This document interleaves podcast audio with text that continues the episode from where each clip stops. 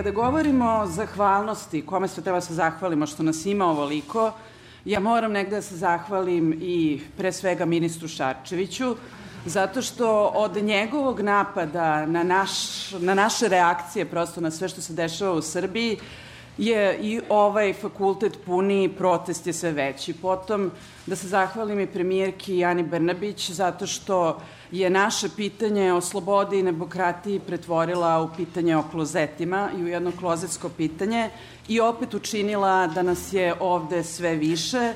To se dešava naravno i sa predsednikom Vučićem, pošto i njegove te izjave stalno čine da nas je sve više.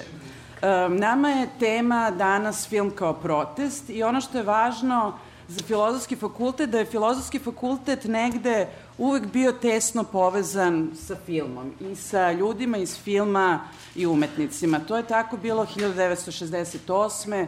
To je bilo tako u protestima 96. 97. To je tako i danas. I zato je jako važno što su današnji gosti reditelji koji su ostavili vrlo značajne tragove o određenim vremenima. I ono što je važno, oni ih ne ostavljaju samo kao filmski reditelji i sa svojim kamerama, nego ih ostavljaju kao izuzetno angažovani pojedinci. E, mi ćemo danas imati nekoliko, jedno, tri, četiri kruga pitanja u ovim razgovorima. Prvo će biti vezano za proteste 68. 96. 7. i uopšte za 90. Potom ćemo pokrenuti pitanje umetnika i politike i da vidimo gde su koji umetnici danas u ovim događajima kojima smo svedoci. Zatim ćemo govoriti što mislim da je neizbežno kada govorimo o slobodi i kada govorimo o umetnosti, a to je pitanje cenzure. Ideja je da počnem prvu turu pitanja tako što ćemo imati insert iz filma svakog od autora i to će biti neki šlagvord za pitanja koje će oni dobiti. Tako da ja molim, tu je moj kolega Milan Popadić koji je profesor sa istorije umetnosti koji je ovde imao jednu filmsku ulogu i montažera uh, koji nam je dosta pomogao oko svega ovoga. I ja bih molila da prvo pustimo insert iz uh, lipanjskih gibanja Želimira Žilnika.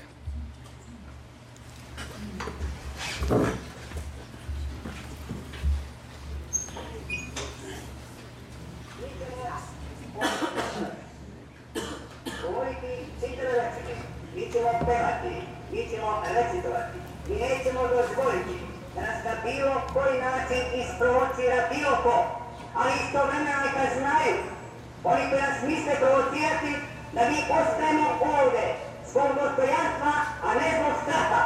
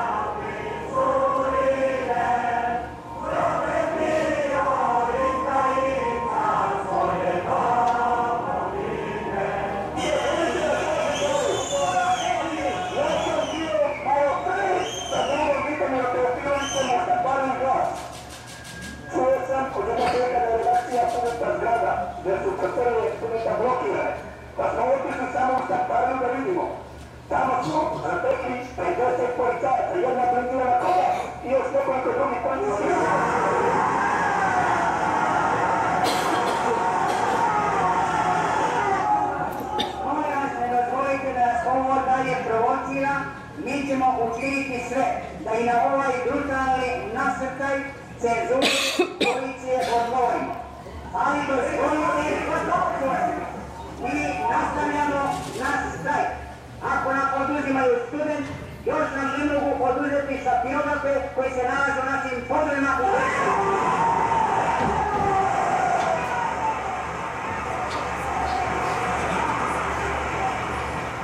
Nema sporazuma, nema primirja sa ljudima, nema sa koje,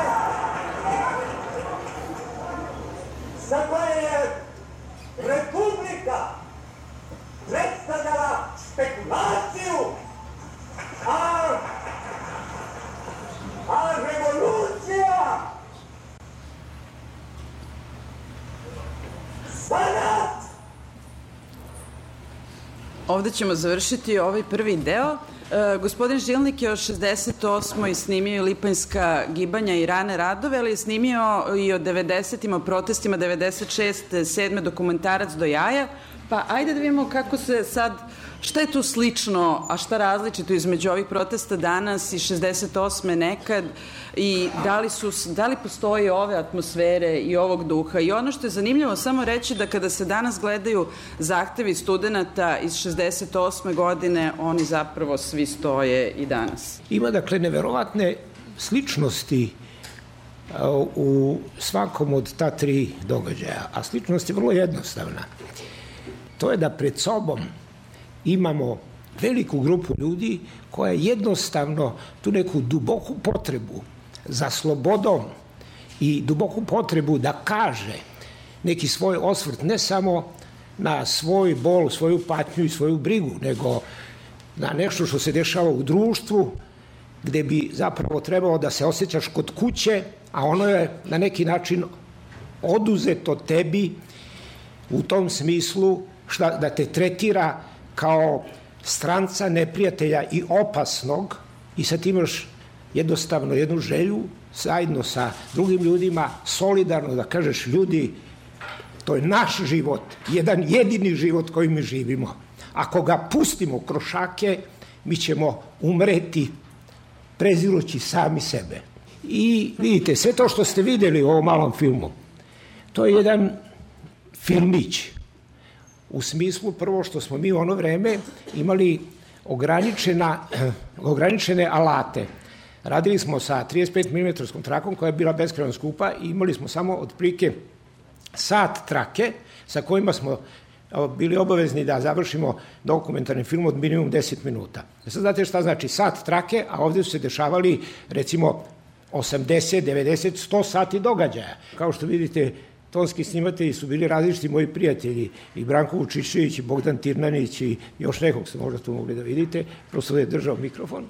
Znači, jedan mali zapis, ali o, što je profesorka pomenula, e, filmovi ostaju kao dokument i to ostaju kao jedan i dragocen istorijski izvor. Tako da sada, 50 godina kasnije, možda sa tugom možemo da kažemo da je u celom državnom socijalizmu, dakle u pola sveta, u pola sveta je iz istočne Evrope ostao samo ovaj dokument. Prošle godine u Trstu, u ovo vreme, bio jedan festival filmova o 68 i razume se, meni su pozvali, ali ja kažem, probajte da nađete nešto u Češkoj, u Rusiji, nije bilo. Šta to znači? Da, da, da su jednostavno vlasti prema svakoj vrsti protesta, pobune i slobodnog prostora koji se javio bez kontrole, da su bile strogo, a ne strogo, ajde da kažemo, gadno narogušeni. Razumete? I jednostavno nisu dali. Iz bivšeg Sovjetskog savjeza došle su tri fotografije. Tri fotografije. Hoću samo da kažem da u tom momentu u Jugoslaviji je bilo otvorenog prostora za uh, slobodu uh, i filma i književnosti. Pazite, to je svega praktično manje od 20 godina posle rata. Ta država je bila i formirana i već priznata i veliki deo i privrede i urbanizacije bio završen i univerziteti su napravljeni i sad dolaze mladi sa protestom. Izgleda da je među njima u garnituri došlo do nekog konflikta. Neki su ljudi govorili, pa oni osjećaju ono isto što smo mi osjećali kad su bili u njihovim godinama, a drugi su rekli da, ali on hoće nas, nas da skinu sa vlasti. I bilo je onih re, rečenica, na vlast smo došli s krvlju, nećemo je puštati bez krvi. Ali kad kažem da je možda to prvi moment u mom životu gde sam tako prisustvovao e, nekim gestovima jedne spremnosti na žrtvovanje. Sećam se da su u jednom momentu izašli tri, četiri starija profesora. E, tu je bio, razume se, i Mihajlo, bio je Ljuba Tadić, e, bio je i Korać. I kaže, dobili smo od poznanika vest da su krenuli tenkovi sa banjice. Vi se svi povucite kroz dvorište u one zadnje prostorije starog filozofskog fakulteta, a naš četvorica ćemo izaći na vrata i nećemo vrata otvoriti. Kaže, ako se puca, najverovatnije ćemo biti ranjeni i možda ubijeni. Naš četvoro, to je 30 litara krvi. Mladi vojnici neće preko toga proći. I kaže, tek ako prođu, vi bežite kroz prozor na ulicu. Ali eto, nije se desilo da se došli tenko. Vratit ćemo se posle još na, na uh, 68. godinu, ali sad da, da vidimo sledeći insert, da uđemo i da se prebacimo u 90. godine kada govorimo o protestima. Uh, insert iz filma Vidite poludeli ljudi Gorana Markovića.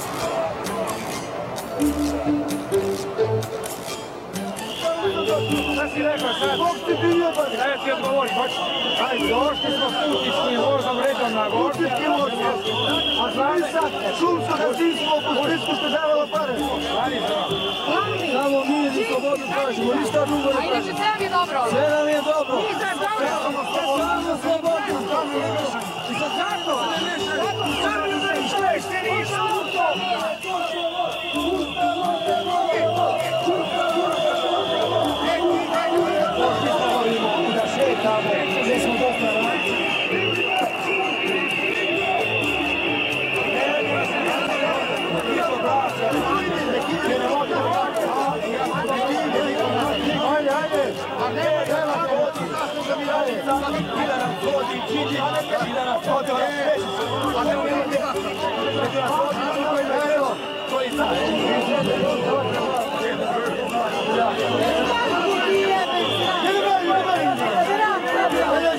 Ista, ista stara, moćerici!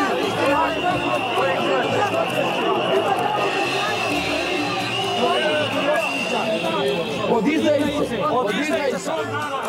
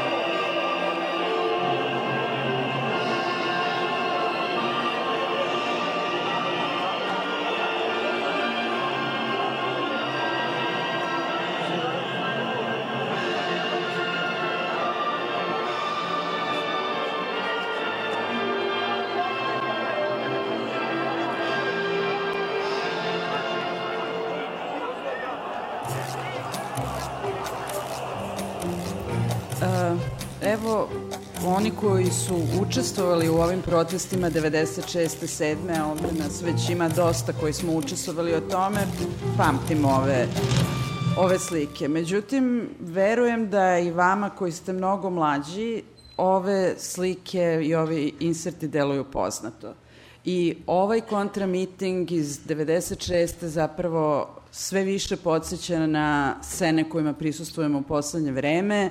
Ovo je jako slično 17. januaru 2019. i poseti Putinovoj e, Srbiji sa svim ovim autobusima, znači sve je zapravo vrlo slično, samo više nisu fotografije Slobodana Miloševića koje se nose, nego Aleksandra Vučića i ja znam dok je ta bila poprilično jeziva situacija tog dana u Beogradu 17. januara, ne samo Putinov dolazak i ovo dovoženje masovno autobusima u Beograd, nego sad i svaka ova poseta predsednika negde u okviru budućnosti Srbije, koja je zapravo povratak u jednu strašnu prošlost, nas podsjeća na ovakve kontramitinge. Pa Gorane, kako sad vi ovo sa ovim događajima uh, uh, ove godine gledate na ovu 96. 7. godinu?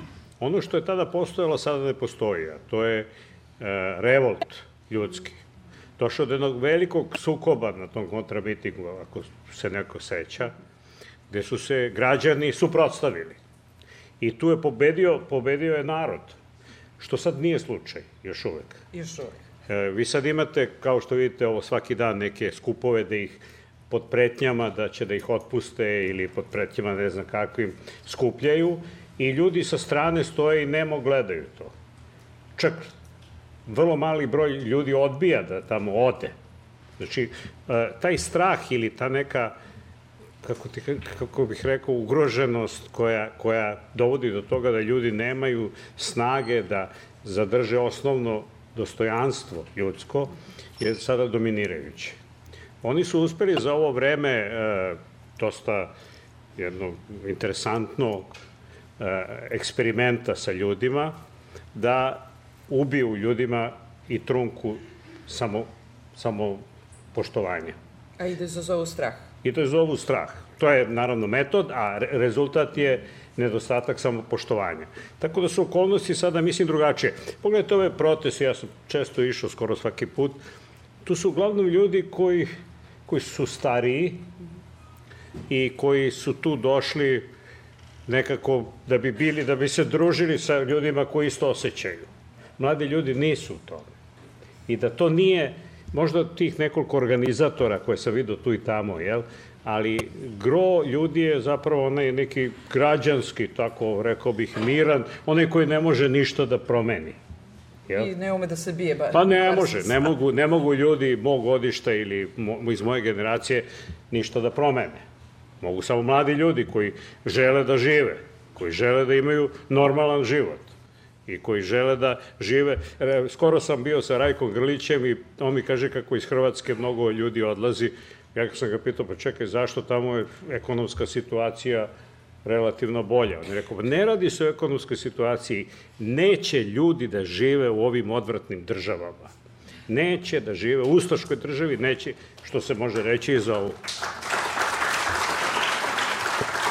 To je glavni motiv.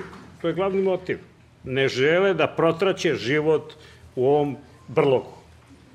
Dobro, sad ćemo preći na sledeći insert. Ostajemo još uvek u 90-ima i o, o, ovaj će nam najteže pasti jer je zapravo i najteža stvar u pitanju. To je insert iz uh, filma Janka Baljka Anatomija bola. Janko se bavio dosta 90. godinama i ako samo pogledamo filmove, vidimo se u čitulji, anatomija bola i etnički čisto, e, to nam, već nam je to, evo nama kao istoričarima, jako, jako dobar putokaz za razumevanje 90. godina. Ali sad molim da pustimo ovaj deo, pa tu imamo neku drugu vrstu pitanja. Da, idemo uspovište kako pročita i odem. Neka Clark puca. Mi ga čekamo. Obaveštavamo ga da smo u Takovskoj 10, da baš ne kažem na kom stepenu geografske širine i azimutu, neka to sam pronađe. Pa znate šta, ja kud god idem, ja sve očekujem da ću njega sresti. A, ona se okrenula meni. Tamo se okrene prema kameri. Naše vreme. Ajde.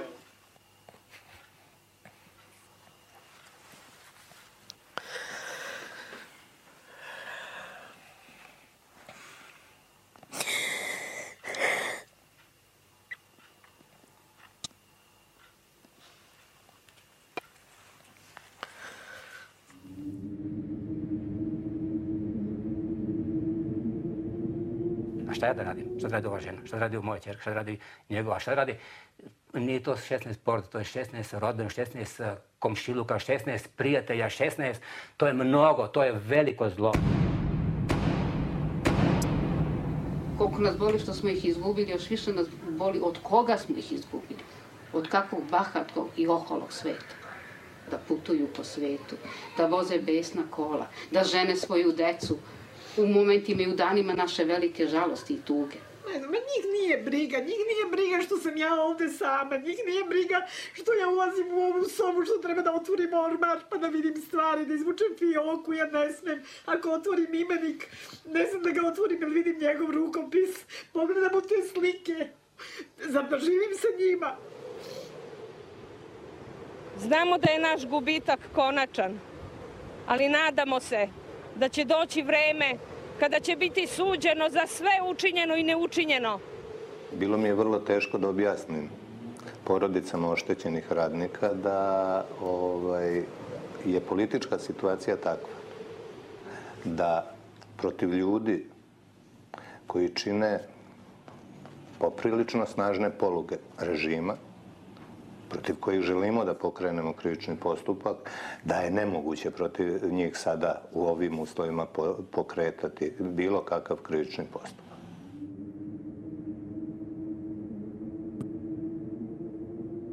Ima dana kad ne znam šta ću sa sobom, kad mislim da ću da poludim. Ljubiti dete je ogroman bol. To nije prirodna pojava, znate. Ja sam razgovarala sa poznanicima, sa prijateljicama, sa ljudima koji su isto tako ili izgubili decu. Nema tu smiraja. Da ste stalno tužni, samo nekad manje, nekad više, ali ste tužni i gotovo, vaš život je promenjen. Nema tu više ni radosti, niti. Obeleženi ste za ceo život. Svaku noć pre nego što legnem uđem da se pozdravim sa njom. Da poljubim košulju koja još uvek miriše na nju. Dan danas i ne znam da će ikad u njenoj sobi gasiti svetlo. Neću da bude u mraku jer znam da nije u mraku.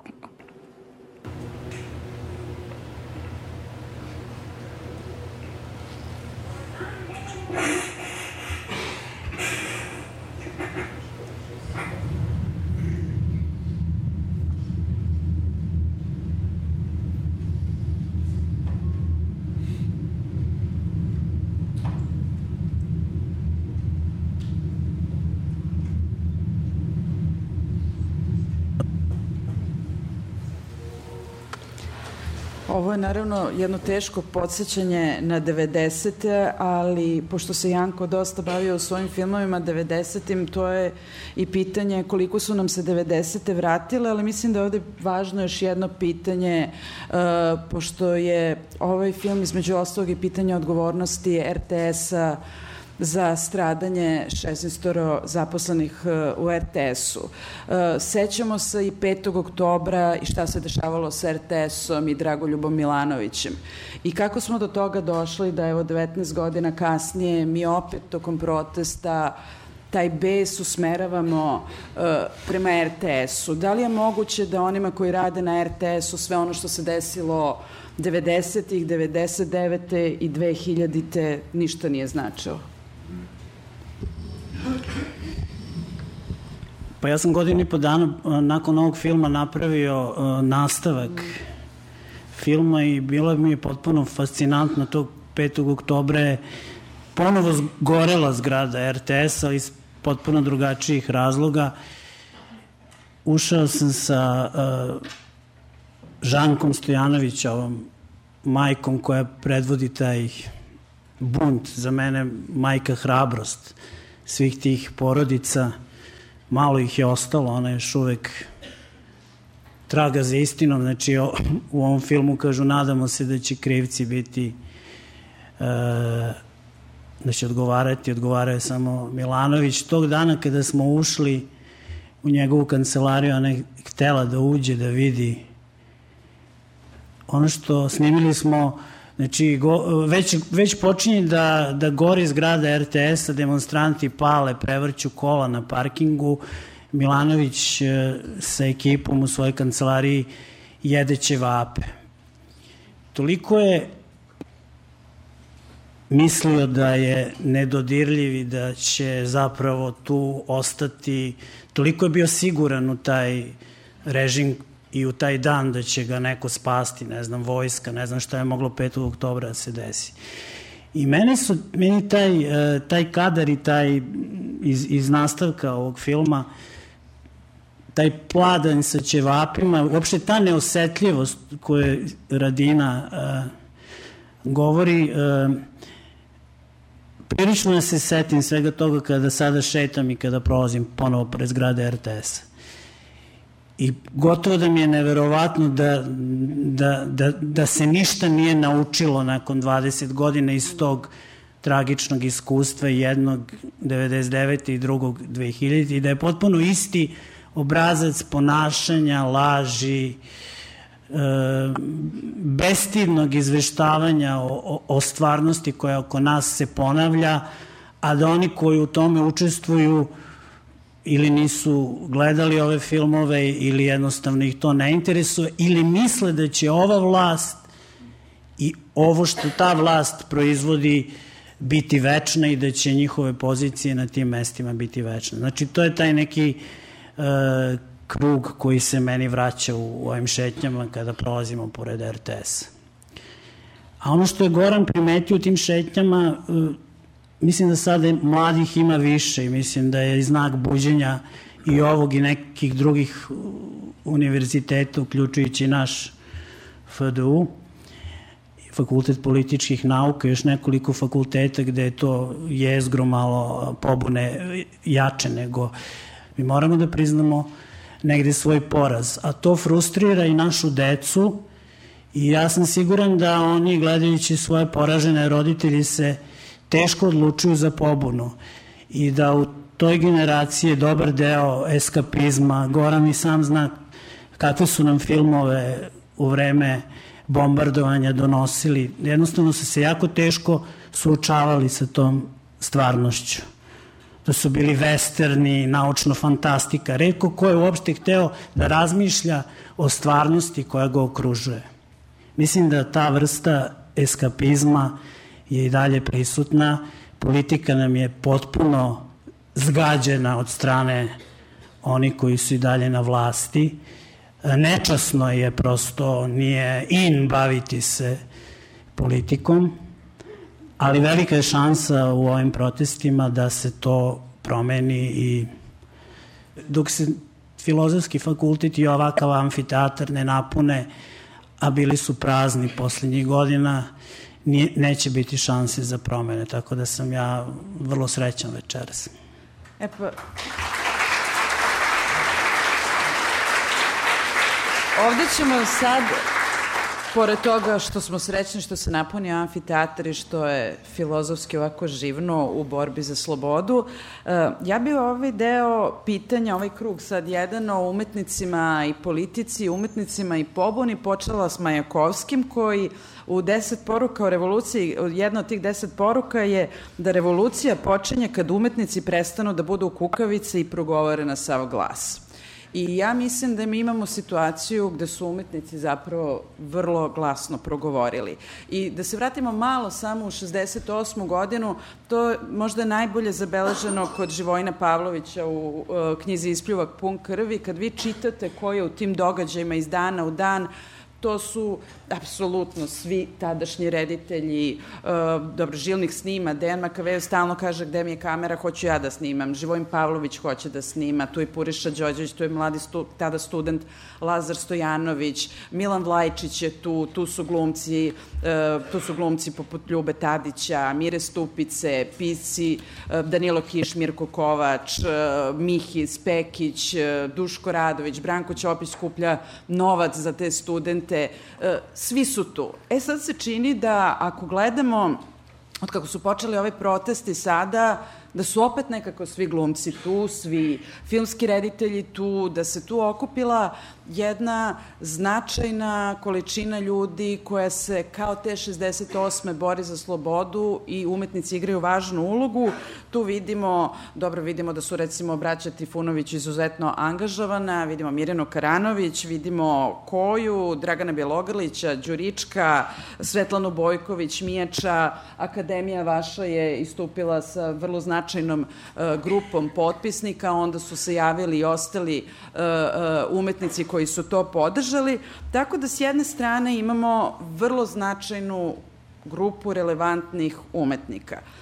Ako pogledamo šta je druga strana u ovom odnosu umetnosti i politike, druga strana, ako izuzmemo imena koje najčešće se onako navode kao neka podrška uh, ovom sistemu i Vučiću, to su Lazar Ristovski Miki Manojlović, mi zapravo kao neku suštinsku estetiku ove nove vlasti, neoradikalske vlasti, imamo tu estetiku kontravizije Lava Pajkića. Da li je budućnost Lav Pajkić? Ili da se nadamo da ipak u umetnosti nije? Jedna stvar je definitivno nepomerljiva, a to je da su ljudi prešli na drugu stranu ulice sa one strane gde idu špekulanti, prevaranti, lažljivci, pljačkaši, ljudi, kao što kažete, koji su učestvovali u podstrekivanju ratova, podstrekivanju etničkih mržnja, ljudi koji su osramotili Srbiju pred svetom. I to ne za 5-10 godina, nego verovatno za pola stoleća i više. I ljudi su jednostavno nemoćni ili možda u opreznosti sada da formulišu politički program, akciju, pa čak i da formiraju neki, ne, neku novu partiju, ali jednostavno kažu nismo sa vama, nismo sa vama, nećemo da budemo okuženi lažju, prevarom, pljačkom, zatrpavanjem istine koja će izaći i izniknuti, ako ne za 5, za 10, 15 godina. Jer vidite, naši vrhovnici, oni odlaze i diče se prijateljstvom sa Putinom, sa Angelom Merkel i drugim. Ali od njih, od njih nisu naučili glavne stvari. Jer Angela Merkel nema kao glavnu stvar u svom srcu, u svom identitetu to koliko će Mercedesa proizvesti, nego da ne dozvoli da fašizam ponovo isklija. To nisu naučili od Angele Merkel. Razumete? Od Putina nisu naučili to da pomagači fašizma u Sovjetskom savezu oni jednostavno ne mogu da budu rehabilitovani. Zakonom je zabranjeno. Kod nas ne samo da se rehabilituje, nego ima i politički pokret, i lažnih biografija i tako dalje. To je sramota za Srbiju. Razumete? I da bi se ta sramota skrila, mi imamo državnu propagandu koja je samo narcističko samohvalisanje. Ovi ljudi koji su izašli ne moraju da za sada i ne urade ništa više, nego, nego samo da kažu nismo sa vama jer jednostavno je nedopustivo.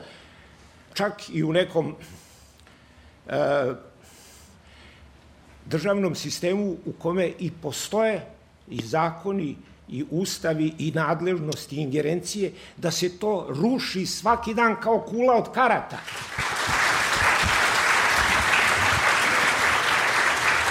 Gor, Gorane, cela ova grupa umetnika i s druge strane ova manjina da. koja je nekako vidljivija. Ja sam duboko iz životnog iskustva ubeđen da nije nužno da veliki umetnici budu i dobri ljudi. To uopšte nije rečeno. Ja znam jako mnogo velikih umetnika koji su teška džubrata.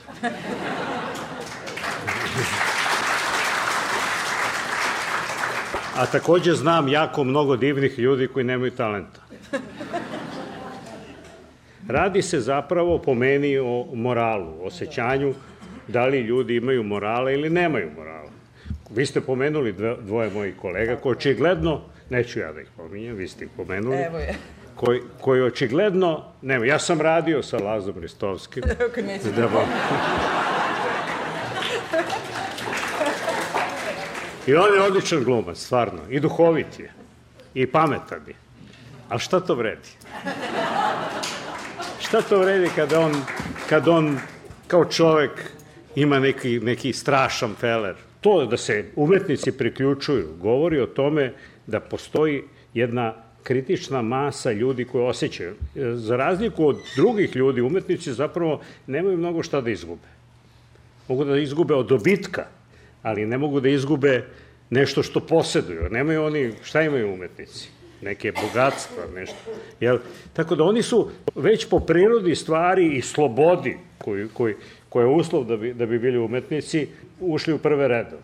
Opet kažem, kao skeptik, do onog trenutka dok ljudi koji, koji, kojima je stalo da prežive, koji nisu umetnici, koji treba sutra da imaju posao, treba da se ožene, da imaju stan, da rađaju decu i tako dalje. Dok oni nemaju uopšte ikakvu ideju o tome kako to da ostvare i dok se ne bore za to, dok oni nisu ti koji se bore, mislim da stvar neće postići mnogo. Vi ste svi prošli kroz različite faze u odnosima s vlastima. E, naravno, gospodin Žilnik je bio najviše cenzurisan. Imamo jedan novi fenomen cenzura, to je uskraćivanje financija. I vi imate situaciju da reditelji poput e, Gorana Markovića, Điđe Karanovića, Slobodana Šijena, koji su toliko uradili za jugoslovensku i srpsku kinematografiju, koji imaju najveće nagrade i one i ove države, prosto, eto, ne mogu da dobiju novac da snime filmove. Pa ajde da vidimo prosto kako je tekla ta cenzura od uh, cenzure u socijalističkoj Jugoslaviji, kako ona izgleda danas, uh, čini se mnogo perfidnije, ali je ima više nego onda. Mi malo grešimo kad e, čitav taj period e, Jugoslavije, jugoslovenskog socijalizma e, e, doživljavamo kao nešto što je bilo ovako potpuno e, jedna homogeno konstituisana kulturna politika. Tu je bilo različitih faza, u svakom slučaju razumete, svi vi znate da prvih nekoliko godina posle oslobođenja, da je kulturna politika bila pod velikim uticajem sovjetskog modela, ali ona je trajala do 48. 49. možda 50. Ovaj, posle toga je zapravo o, za kulturu a, kreiran jedan mnogo otvoreniji prostor, jedna e, relaksirana atmosfera gde su pre svega urađeni e, ti filmovi kojima recimo mi kao sada naslednici e, tako e, te kinematografije kad proglašavamo najveća imena i najveća dostignuća srpskog filma, onda definitivno ne možemo da, da, da obiđemo te genijalne autore kao što su Dušan Makavejev ili Živojin Pavlović ili recimo Đorđe Kadijević ili Puša Đorđević i tako da je. E sad šta je interesantno i šta je meni prosto paradoksalno, da aktualna vlast koja je u kraju liniji u toliko jednostavnoj prilici da se o svemu tome informiše, ovaj, da ona ne razmišlja e, šta će za 20-30 godina ostati kao neka vrsta e, njenog doprinosa kulturi i za umetnika ostaje što jedino vredi ocenjivati. Jer tako, to su ta umetnička dela, razumete. Jer ipak ta umetnička dela zapravo kreirana od a, ljudi talentovanih i kreativnih, oni, ona ostaju jedan, jedan beleg, jedno svedočanstvo, zapravo ili u knjizi ili u filmu, o čemu? O tome šta mi kao ljudi u tom periodu vremena smo e, osjećali, mislili, želeli, čemu smo težili, kako smo e, se ushićivali i kako smo propadali. I ja sam jedan put svega bio ovaj, e, na sudu inostranskog umetničkog dela i onda sam čuo šta kaže francuski sudija. Francuski sudija kaže producentu, kaže da, vi ste tu uložili, vi se sad bunite protiv umetnika zato što troši malo više para nego što ovaj, je tu bilo predviđeno, ali pita umetnika, jel vi radite vaše umetničko delo po nekim vašim damarima? Kaže, radim. Hoće biti nešto toga? Da, bit će. Kaže, vi onda, gospodine, morate to dozvoliti, jer Francuska nema većih vrednosti nego svoje umetnike nego njihove umetnosti. A kaže, najveći velikani, od Voltera do Lotreamona, do, ne znam, ovaj, Toulouse-Lautreka, oni su grđeni, pljuvani, prezirani, ali kaže, francuski duh i kultura zuji čitavim svetom zahvaljujući njima. I kaže, mi njima treba da se poklonimo. Ne kao ljudima, nego kao proizvođačima tog što je metafizički veliko. I u tom smislu, mislim, ja kad gledam i u pogledu finansiranja i u pogledu sadržaja, šta finansira, recimo, sadašnja vlast, ali nažalost i ova prethodna, tu ima neke duhovne mizerije među njima koja zaslužuje prezir.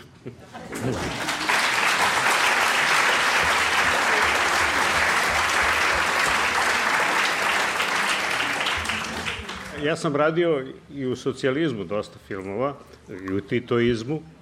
Ovaj, tu je bila jedna perverzna situacija. Oni su bili jednopartijski sistem, ali su puštali raznorazne stvari koje su njih kritikovali, čak su finansirali. Mi smo svi dobijali pare od države da, da kritikujemo tu, taj isti sistem. Ja sam nikad nisam bio cenzur, jedan put sam bio cenzurisan, to je zanimljiva situacija. E, moj film koji je možda najnaivniji od svih tih filmova, Majstori, majstori, je bio zabranjen izvesno vreme zbog vređenja lika i dela pedagoških radnika. I onda to je, neka cenzura je postojala i ovaj, bila je tamo u Kneza Miloša ulici kod Odeona i onda smo mi otišli, napravili jednu pobunu da, da nam objasne šta treba da radimo, kakve filmove treba mi da snimamo da bi oni bili zadovoljni i tako dalje. I onda je glumac Mića Tomić doveo svog prijatelja Najdana Pašića, koji je bio visoki komunistički rukovodilac, zadužen za kulturu i Najdan Pašić je objasnio cenzuri da je to glupost i film je pušten da bude perverzija veća, Najdan Pašić je deda ovoga Đurića. I sad se verovatno okreće u grobu. Da, da, ovoga Đurića... Ovo što trči? Kako zove? Ne, ovoga, da. Kako zove? Kako se? Ovaj... Marko. Marko, dobro. Pa ne znam, ne mogu da upamtim ime. Ovaj. kad ja pamtio svima njima imena, to bi bilo... Ovaj, tako da je, tad je, tad je cenzura zapravo bila mnogo blaža nego sada kada se, evo, sad ste citirali, sad se to pritiska, pritisak je, stalno je pritisak, stalno ti tabloidi ili raznorazni pritisi, e, telefoni i tako dalje, stalno se zatvara krug oko ljudi, stalno pokušavaju da uplaše i tako dalje. Jedino što e, ljude koji stvarno imaju integritet ne mogu da uplaše. Ne mogu oni Želimira Žilnika da uplaše kad je Žilnik, zna se šta je preživao u životu. Jer ja sam sećan kad je Žilnik otvarao nogama vrata CK Vojvodine. Dođi nogom otvori vrata glavnog partijskog šefa u Vojvodini. Je tako bilo? Ali mi nije pomagalo. o, ovaj, prema tome, kako da kažem, hrabrost je deo, deo našeg posla. Mislim, ne hrabrost u smislu da možete se potučete, nego hrabrost da izdržite i da, da ne popustite. Sad sam ja već stari, sad svi već misle najbolje bilo da dođeš na naš festival pa da umreš, da festival ima neku dobru vest, tako da me mnogi pozivaju sa retrospektivama, Ali vidite, kad, kad pozivaju nas starce, mi razume se, ne možemo da kažemo imamo filmove kod kuće ili ih nemamo, nego onda damo adrese, ovo smo napravili u art filmu, ovo smo napravili u avala filmu, ovo smo napravili na televizije, nema, i sad oni biraju. I moram vam reći, pola od filmova, da mi pravi obično retrospektive sa od 20 do 50 filmova, pola filmova dolaze sa televizije. To su sve neke naše teme, razumete. Jedna je, je izgradnja hidroelektrane u Gojnoj bašti, druga je, recimo, ne znam, bolesti ozdravljenja bude brakusa o dobrovoljcima. Sada su ti dobrovoljci iz Prvog svjetskog rata, kad ih nema, isplivali kao neke nove e, zlatne ribice i tako dalje, a mi smo, dok je Tito bio živ, napravili sa tri stotine dobrovoljaca u Vojvodini koji su naselili ta sela, pola ih je bilo u Americi, Ja sa njima razgovaram, to su čiče, sa njima razgovaram na engleskom jeziku, jer kaže, mi smo tamo sekli drva i onda nismo mogli ovaj, preko Amerike, jer Amerika je bila neutralna, nego smo ilegalno išli u Kanadu, pa engleski brod nas je vozio nas 5000, pa su, razumete, to su takve priče. I ovaj, e, e, film se zove Bolesti ozdravljenje bude Brakusa, ovaj, Tito još bio živ, dobio je nagradu na, na Jugoslovenskom e, festivalu, a sad ide okolo po Znači, hoću da vam kažem, e, stvar, stvar je složena, ono što je za mene zaprepašćujuće, sad je stvar postala tako jednostavna i primitivna u političkoj strukturi. Vi kad slušate te naše, da kažemo, prve ljude i ministre, to je strašno. Mislim, tako nekad nisu govorili ni noćni čuvari.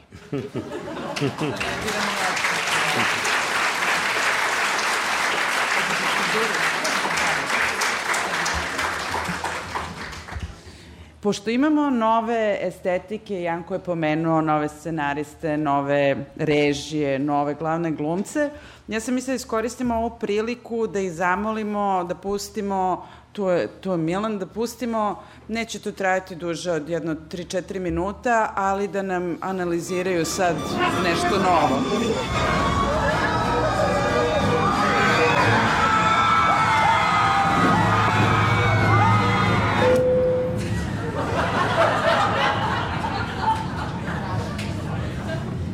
Ovo bi moglo da bude najgora noćna mora.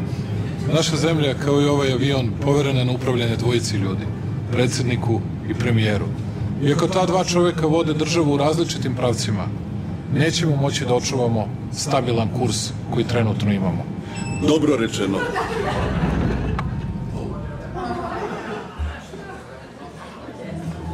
Gospodja Nado.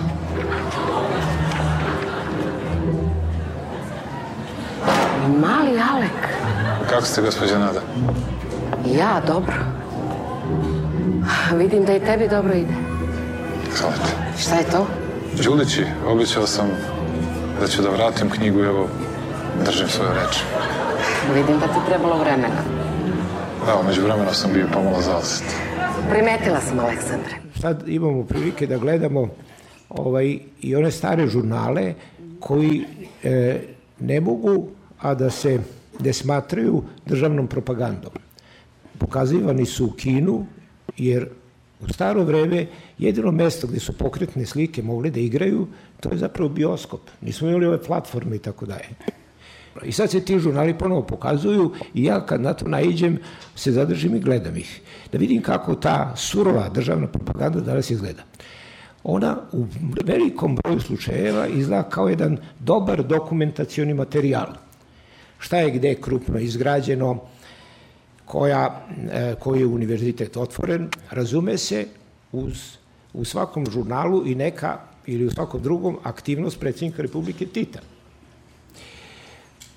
Ali, razume se, u odnosu na ovo, ti žurnali izgledaju kao veličanstvena dela, na primer, nekog Rosilinija ili, ili ili Bunjuela, razumete? To su vrhunski snimatelji bili. A, ovo su ovaj, takve, kako da vam kažem, budalaštine. Tako da se pitam, za 50 godina, kad se ovo bude gledalo, a to neće biti izbrisano... Gledat će istoričari na kraju kraja. Šta će se moći da kaže, ljudi, neko je tamo otkačio u to vaše vreme. To sam upravo teo da kažem. Ja mislim da ovo nis, nije pitanje za, za nas. Jer Dobro, morali smo... Ovo je, naravno, ovo je naravno bedno u svakom pogledu. Jel? Bedno je slaba reč. Mizerno, šta ja znam. Ali, svašta se vidi ovde. Vidi se, recimo antropolozi će moći da, da vide jednog dana Drugo, vidi se šta stoji iza ove vlasti. Dok ti nemaš ove spotove, ti, tebi je to magla, neki tamo nas maltretira. A ti sad vidiš kakav je to skup gluposti, neukusa i mraka. Tako da su ovi spotovi dragoceni. Ti najzad shvataš s kim imaš posla. Da su to, nisu to samo, ne znam, kada je Trump došao na, na vlast, onda su udruženje psihijatara Sjedinjenih američkih država izdalo saopštenje da on nešto nije normalan. Jel? Ali najvažniji i predsednik je rekao ne, to nije tašo, on je normalan, on je samo đubre. Znači, hoću da kažem da je, e, ovi su spotovi jako dobri da, da najzad i oni na, koji, koji imaju neke sumnje ili nešto, nešto, da shvate s kim imaju posla. To je najobičnija bagra. To je to.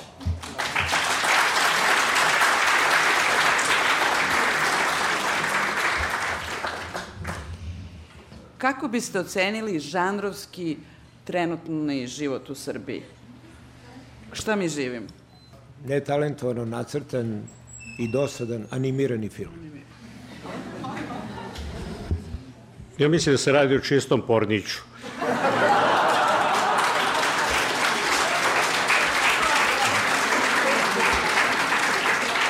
Pa šta je, šta su pornići? Pornići su uh, kvazi dela koja uh, se uh, pretenduju da imaju nekakvu priču koja je u stvari lažna, a svi učesnici se prave da imaju osjećanja i da ispoljavaju, a zapravo je cilj da izvedu seksualni čin pred kamerom. Znači, jedna apsolutna hipokrizija i ne vidim nikakvu, nikakav drugi žanr ovde. Nije, nije